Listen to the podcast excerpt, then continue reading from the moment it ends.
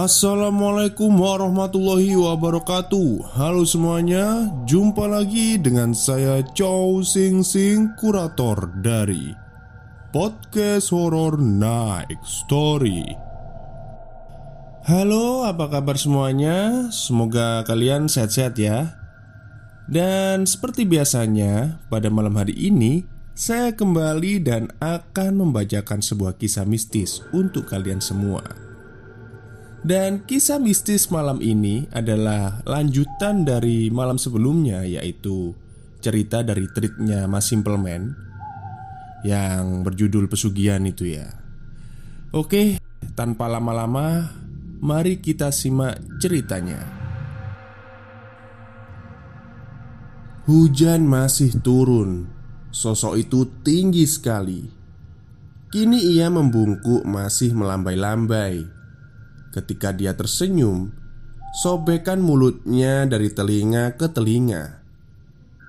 Anak itu mulai terlihat panik, antara bingung apa harus meninggalkan kawannya dan menyelamatkan dirinya.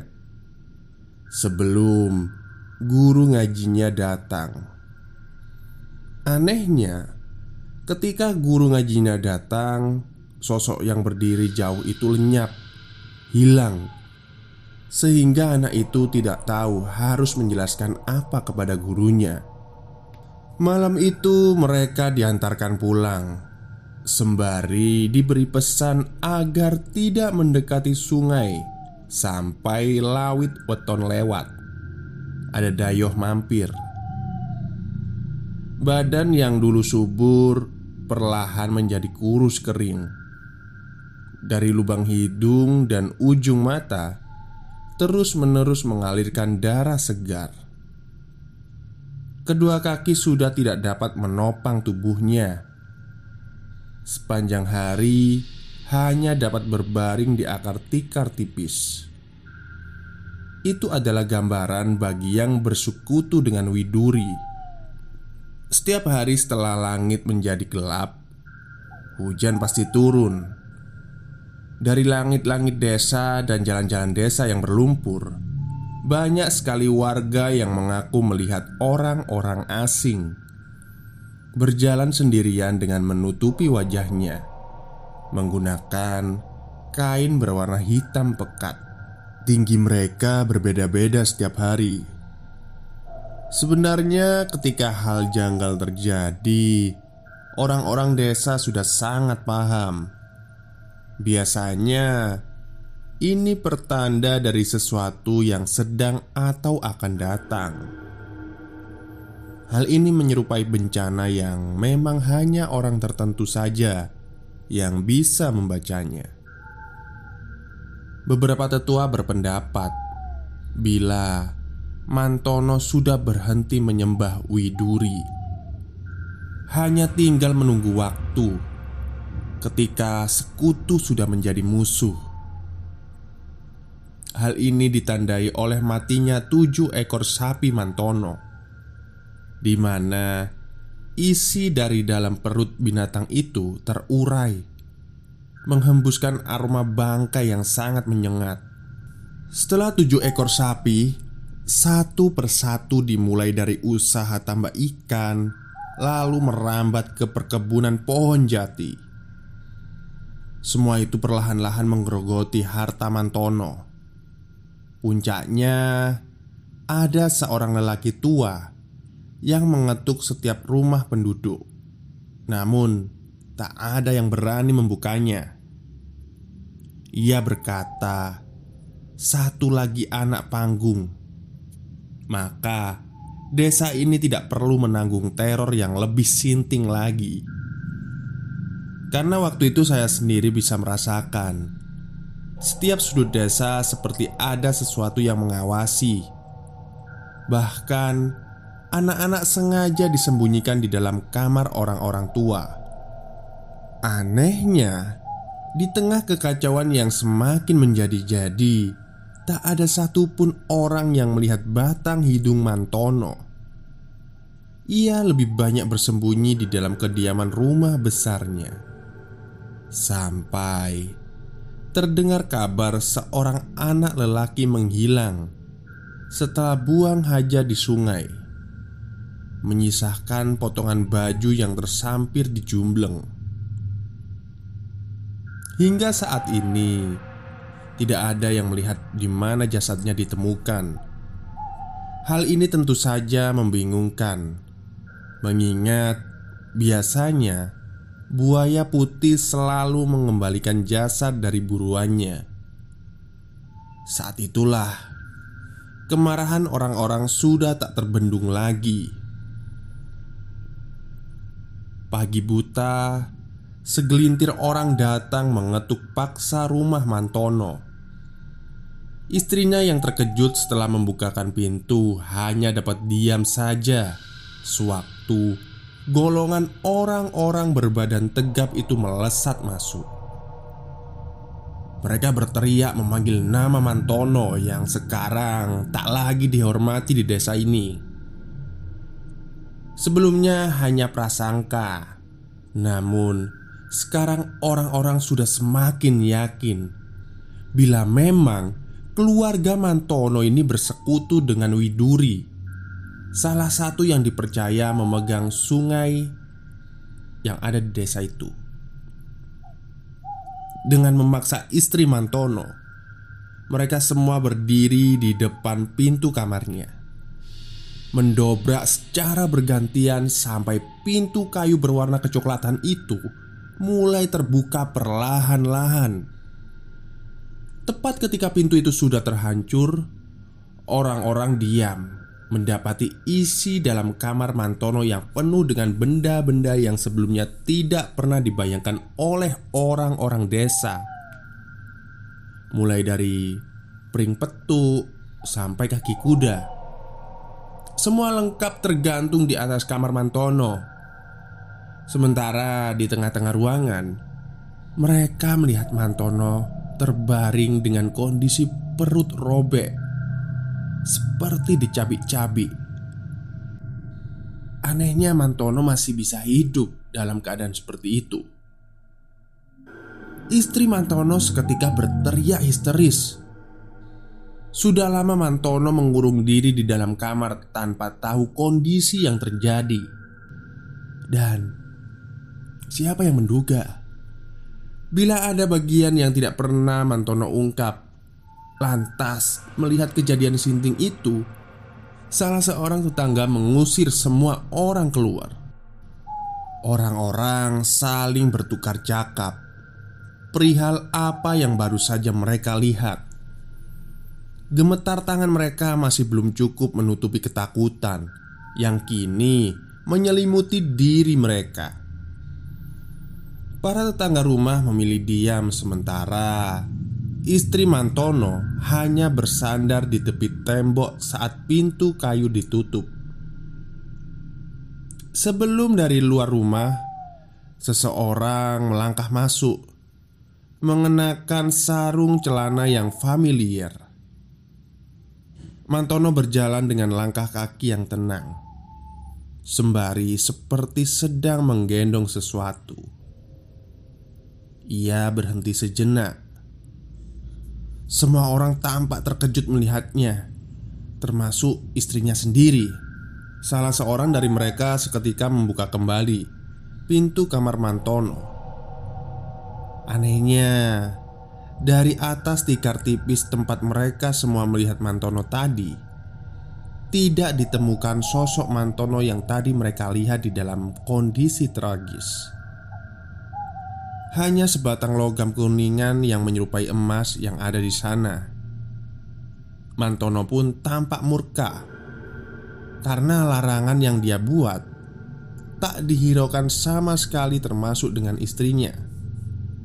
Bahkan, Mantono sempat mengancam akan memberi sesuatu yang sangat buruk kepada semua orang yang berani menginjakan kakinya di rumah. Istrinya ingin menjelaskan apa yang baru saja dirinya lihat.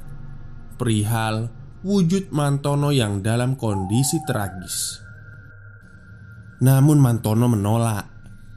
Ia lebih memilih masuk ke dalam kamar setelah melihat kerumunan tetangga. Satu persatu mulai keluar dari dalam rumahnya. Tanpa dia sadari, beberapa tetangga melewati tubuh Mantono sembari menutup hidung karena saat itu tercium pekat aroma darah yang masih segar dari tubuh Mantono. Entah apa yang baru saja mereka lihat. Apakah mungkin gambaran Mantono kelak sudah diwujudkan oleh pesan yang baru saja mereka saksikan bersama-sama? Tujuh hari setelah kejadian malam itu Dari rumah tetangga Mantono Tercium aroma kembang yang sangat menyengat. Diikuti suara lonceng gemerincing. Seorang wanita tinggi Datang berkunjung di mana Mantono sendiri yang membukakan pintu. Wanita asing itu harus menunduk untuk melewati pintu. Dan lagi-lagi akan terjadi sesuatu. Namun, tidak ada warga yang berani lagi menyentuh keluarga Mantono. Mengingat ancaman tempo hari yang Mantono katakan sudah merenggut korban. Seorang pria tiba-tiba menjadi buta tanpa sebab yang jelas. Buta yang bukan sembarang buta melainkan buta yang sengaja dibuat oleh seseorang. Sejak saat itu, Mantono juga tidak pernah lagi membuka warung yang menjadi cikal bakal hartanya selama ini. Beliau seperti mengasingkan diri, menjauh dari masyarakat, bahkan keluarganya sendiri. Tapi pernah ada yang memergoki Mantono pada pukul satu dini hari Mantono ini berlari keluar dari dalam rumahnya menuju ke tepi sungai, sembari membawa buntalan yang dibungkus di dalam kain berwarna putih. Tidak ada yang tahu apa isi buntalan itu. Semua orang terlalu takut mencari tahu. Namun, gara-gara ini tersebar kabar bila buntalan itu konon dipendam di sebuah kebun pisang yang ada di tepi sungai.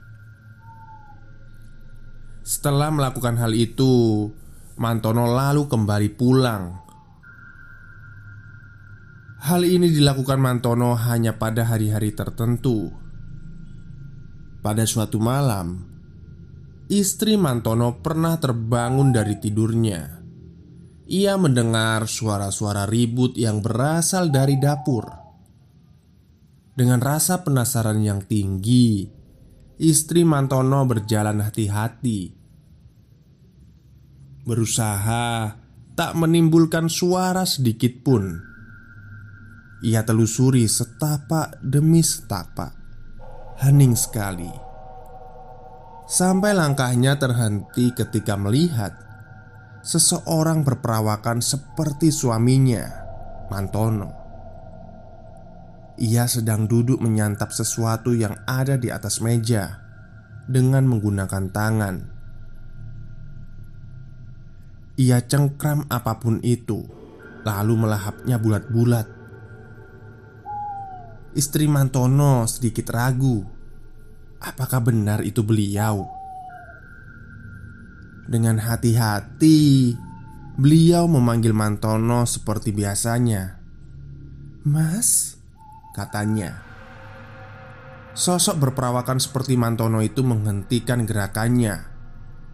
Ia tidak langsung menoleh, melainkan hanya diam saja, tak bergerak sedikit pun. Menimbulkan kecurigaan, kenapa dengan suaminya ini? Istri Mantono lantas mendekat. Tiba-tiba, tercium aroma amis seperti bau ikan sungai ketika jarak di antara mereka hanya terpaut beberapa langkah saja. Saat itu, dalam gerakan yang cepat, Mantono yang sedang duduk tiba-tiba menunjuk sesuatu yang ada di belakang wanita itu. Di sana, di depan mata kepala istri Mantono, ia melihat kedua anaknya yang barep dengan yang ragil berdiri memandang beliau. Wajahnya berlumuran darah. Lalu dari belakang sepasang tangan menutup mata istri Mantono dan terdengar bisikan, "Gak apa-apa, ini adalah salah satu perjanjian dengan suamimu." Gemetar sekujur tubuh istri Mantono waktu itu, namun tidak ada yang dapat dia lakukan. Dengan langkah kaki perlahan Sosok yang membekap istri Mantono seperti ingin menuntun dirinya ke suatu tempat. Dari sekitar tubuhnya Pakaian yang istri Mantono kenakan terasa seperti ditarik-tarik oleh tangan-tangan mungil. Sembari terdengar isak tangis yang meminta tolong. Suaranya sama persis dengan suara kedua anaknya. Entah mereka benar-benar anak kandungnya atau bukan.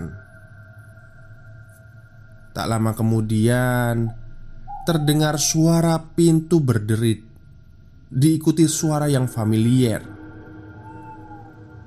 Suara mengerang dari seseorang yang kesakitan Mata istri Mantono lalu dibuka sebelum sosok itu lenyap tak nampak lagi Tapi Istri Mantono justru tertuju pada pemandangan sinting yang ada di hadapannya. Di atas karpet, Mantono tengah berbaring sambari menggaruk tubuhnya yang dipenuhi darah segar. Tak hanya itu saja, dari dalam duburnya juga mengalir darah mengenang di atas lantai.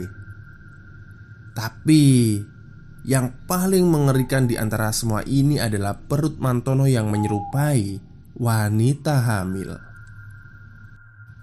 Mantono terus mengerang, berteriak-teriak sembari mencakar sekujur tubuhnya. Dari balik sarung yang menutupi bagian bawahnya, terlihat sesuatu keluar, menggeliat. Tak lama kemudian, perlahan-lahan perut Mantono mengecil Istrinya menatap ke sosok yang masih melihat itu di balik sarung kain. Mantono yang mulai bisa mengendalikan dirinya sontak terhenyak ketika melihat sosok istrinya berdiri di muka pintu. Ia lantas berteriak kepadanya, "Bangsat, pergi kamu! Jangan sampai bayi demit ini melihatmu!" Istri Mantono masih diam tercengang di muka pintu. Ia ingin melihat sosok di balik kain sarung tersebut. Namun, Mantono menghalangi. Ia berdiri menunjukkan bagian bawah yang sudah tak terlihat lagi seperti manusia. Kulitnya mengelupas dengan daging mengangah. Mantono lantas menutup pintu. Terdengar geraman tak seperti manusia. Istri Mantono hanya diam Tubuhnya seperti mendadak lumpuh Apa yang baru saja ia lihat Tidak akan pernah bisa beliau lupakan Satu persatu misteri yang Mantono sembunyikan Seperti menyeruak naik Namun beliau tak dapat melakukan apa-apa Setelah lama hanya diam di depan pintu Mantono melangkah keluar. Di dadanya dia merengkuk buntalan kain berwarna putih. Istri Mantono menatap suaminya. Wajahnya masih tampak murka. Namun perlahan mulai melunak sembari mendekat. Mantono berbisik, "Pitung kelahiran maneh atau tujuh kelahiran lagi?" Lalu Mantono pergi Berjalan keluar rumah Istri Mantono masih begitu penasaran dengan apa yang sebenarnya suaminya sedang lakukan Perlahan-lahan Beliau berlari mengikuti tanpa alas kaki. Ia menyusuri jalan setapak menuju tepi sungai yang dipenuhi semak belukar Gelap dan sunyi. Di antara pohon-pohon pisang, istri Mantono melihat suaminya sedang menggali sesuatu di tanah. Tak lama kemudian ia melemparkan buntalan itu ke dalamnya Menguburnya di sana. Mantono lalu bergegas menuju kandang ternak miliknya Menarik paksa seekor kambing muda.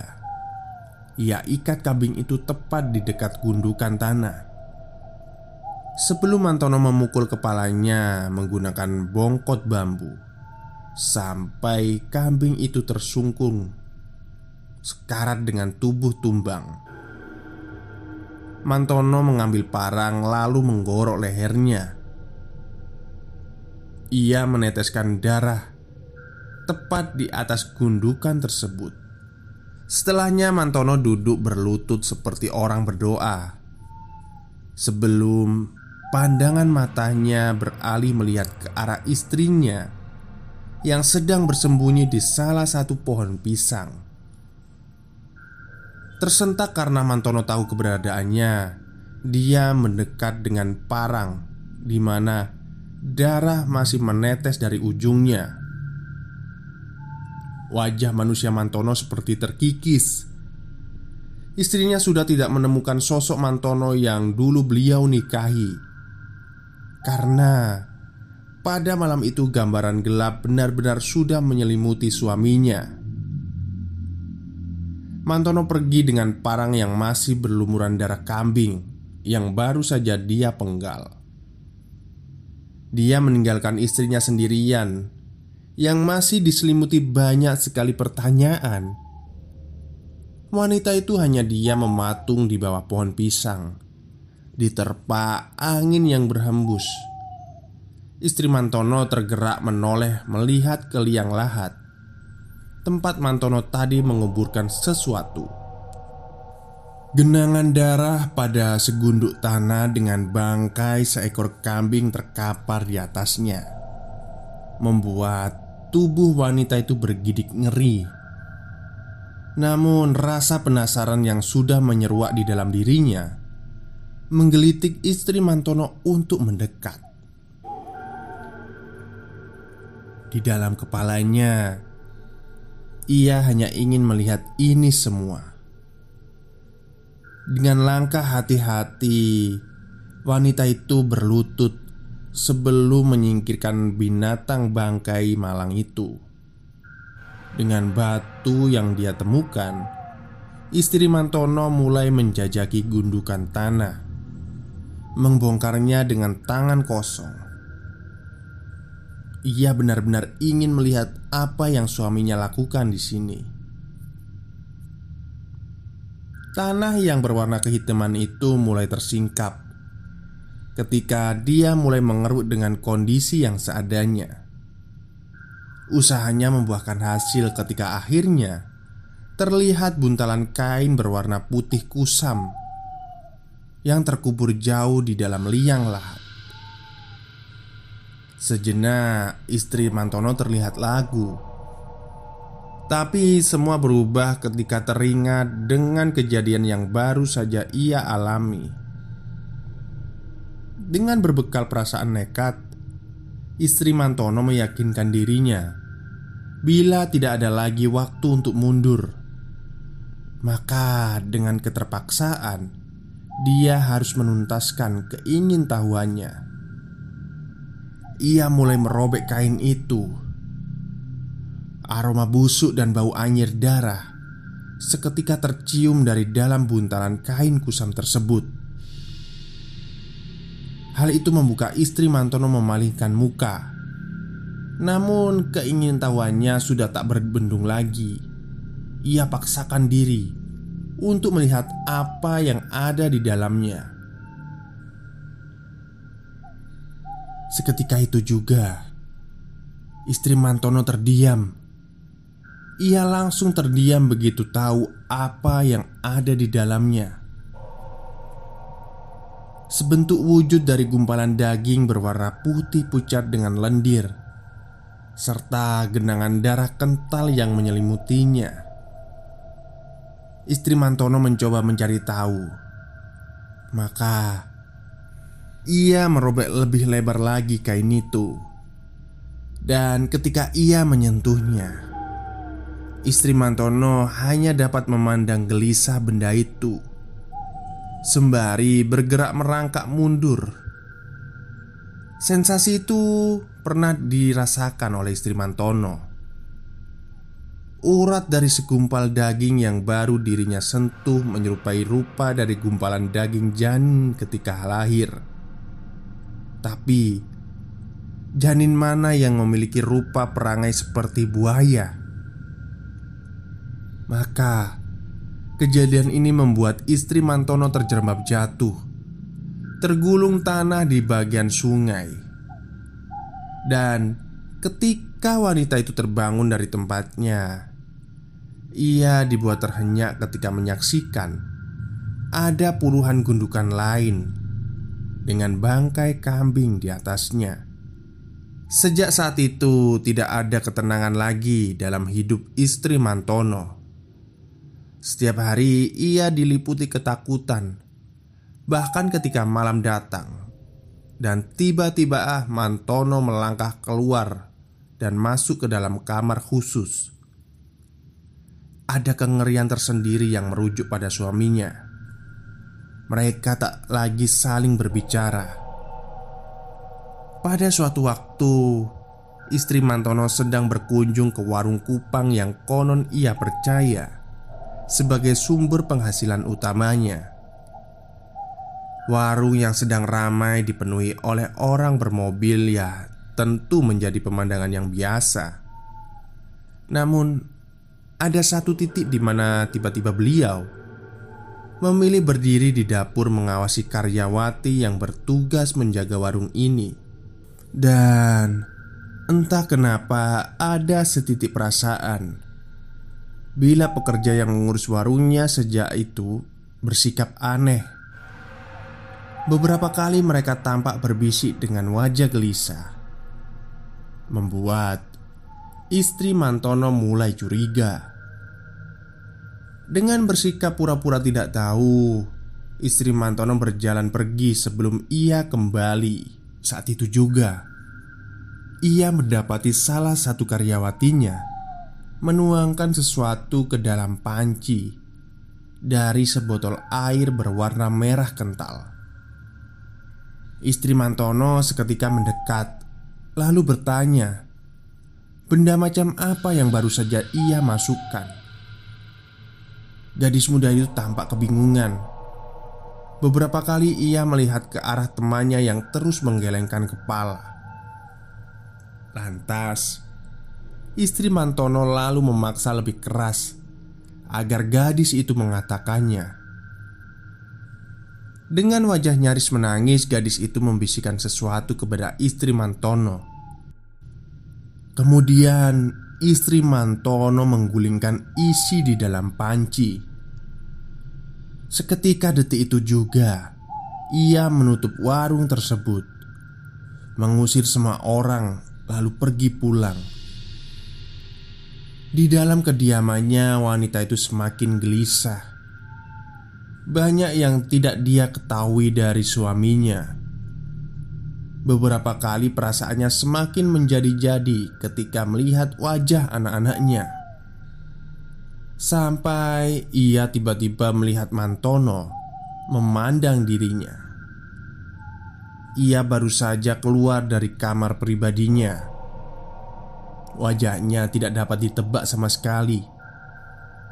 Dengan mengenakan sarung yang menutupi bagian bawah tubuhnya, Mantono kemudian mengatakan, "Anak perempuan itu baru saja meninggal tewas ke dalam kecelakaan. Ini semua karena kamu, Dek. Kamu tidak perlu ikut urusanku. Malam itu, istri Mantono tidak dapat tidur karena sejak tadi di sudut kamarnya, gadis karyawati yang baru saja tewas berdiri di sana menatapnya. Kegilaan ini semakin memberangus mental istri Mantono Semakin hari beliau bertambah gelisah.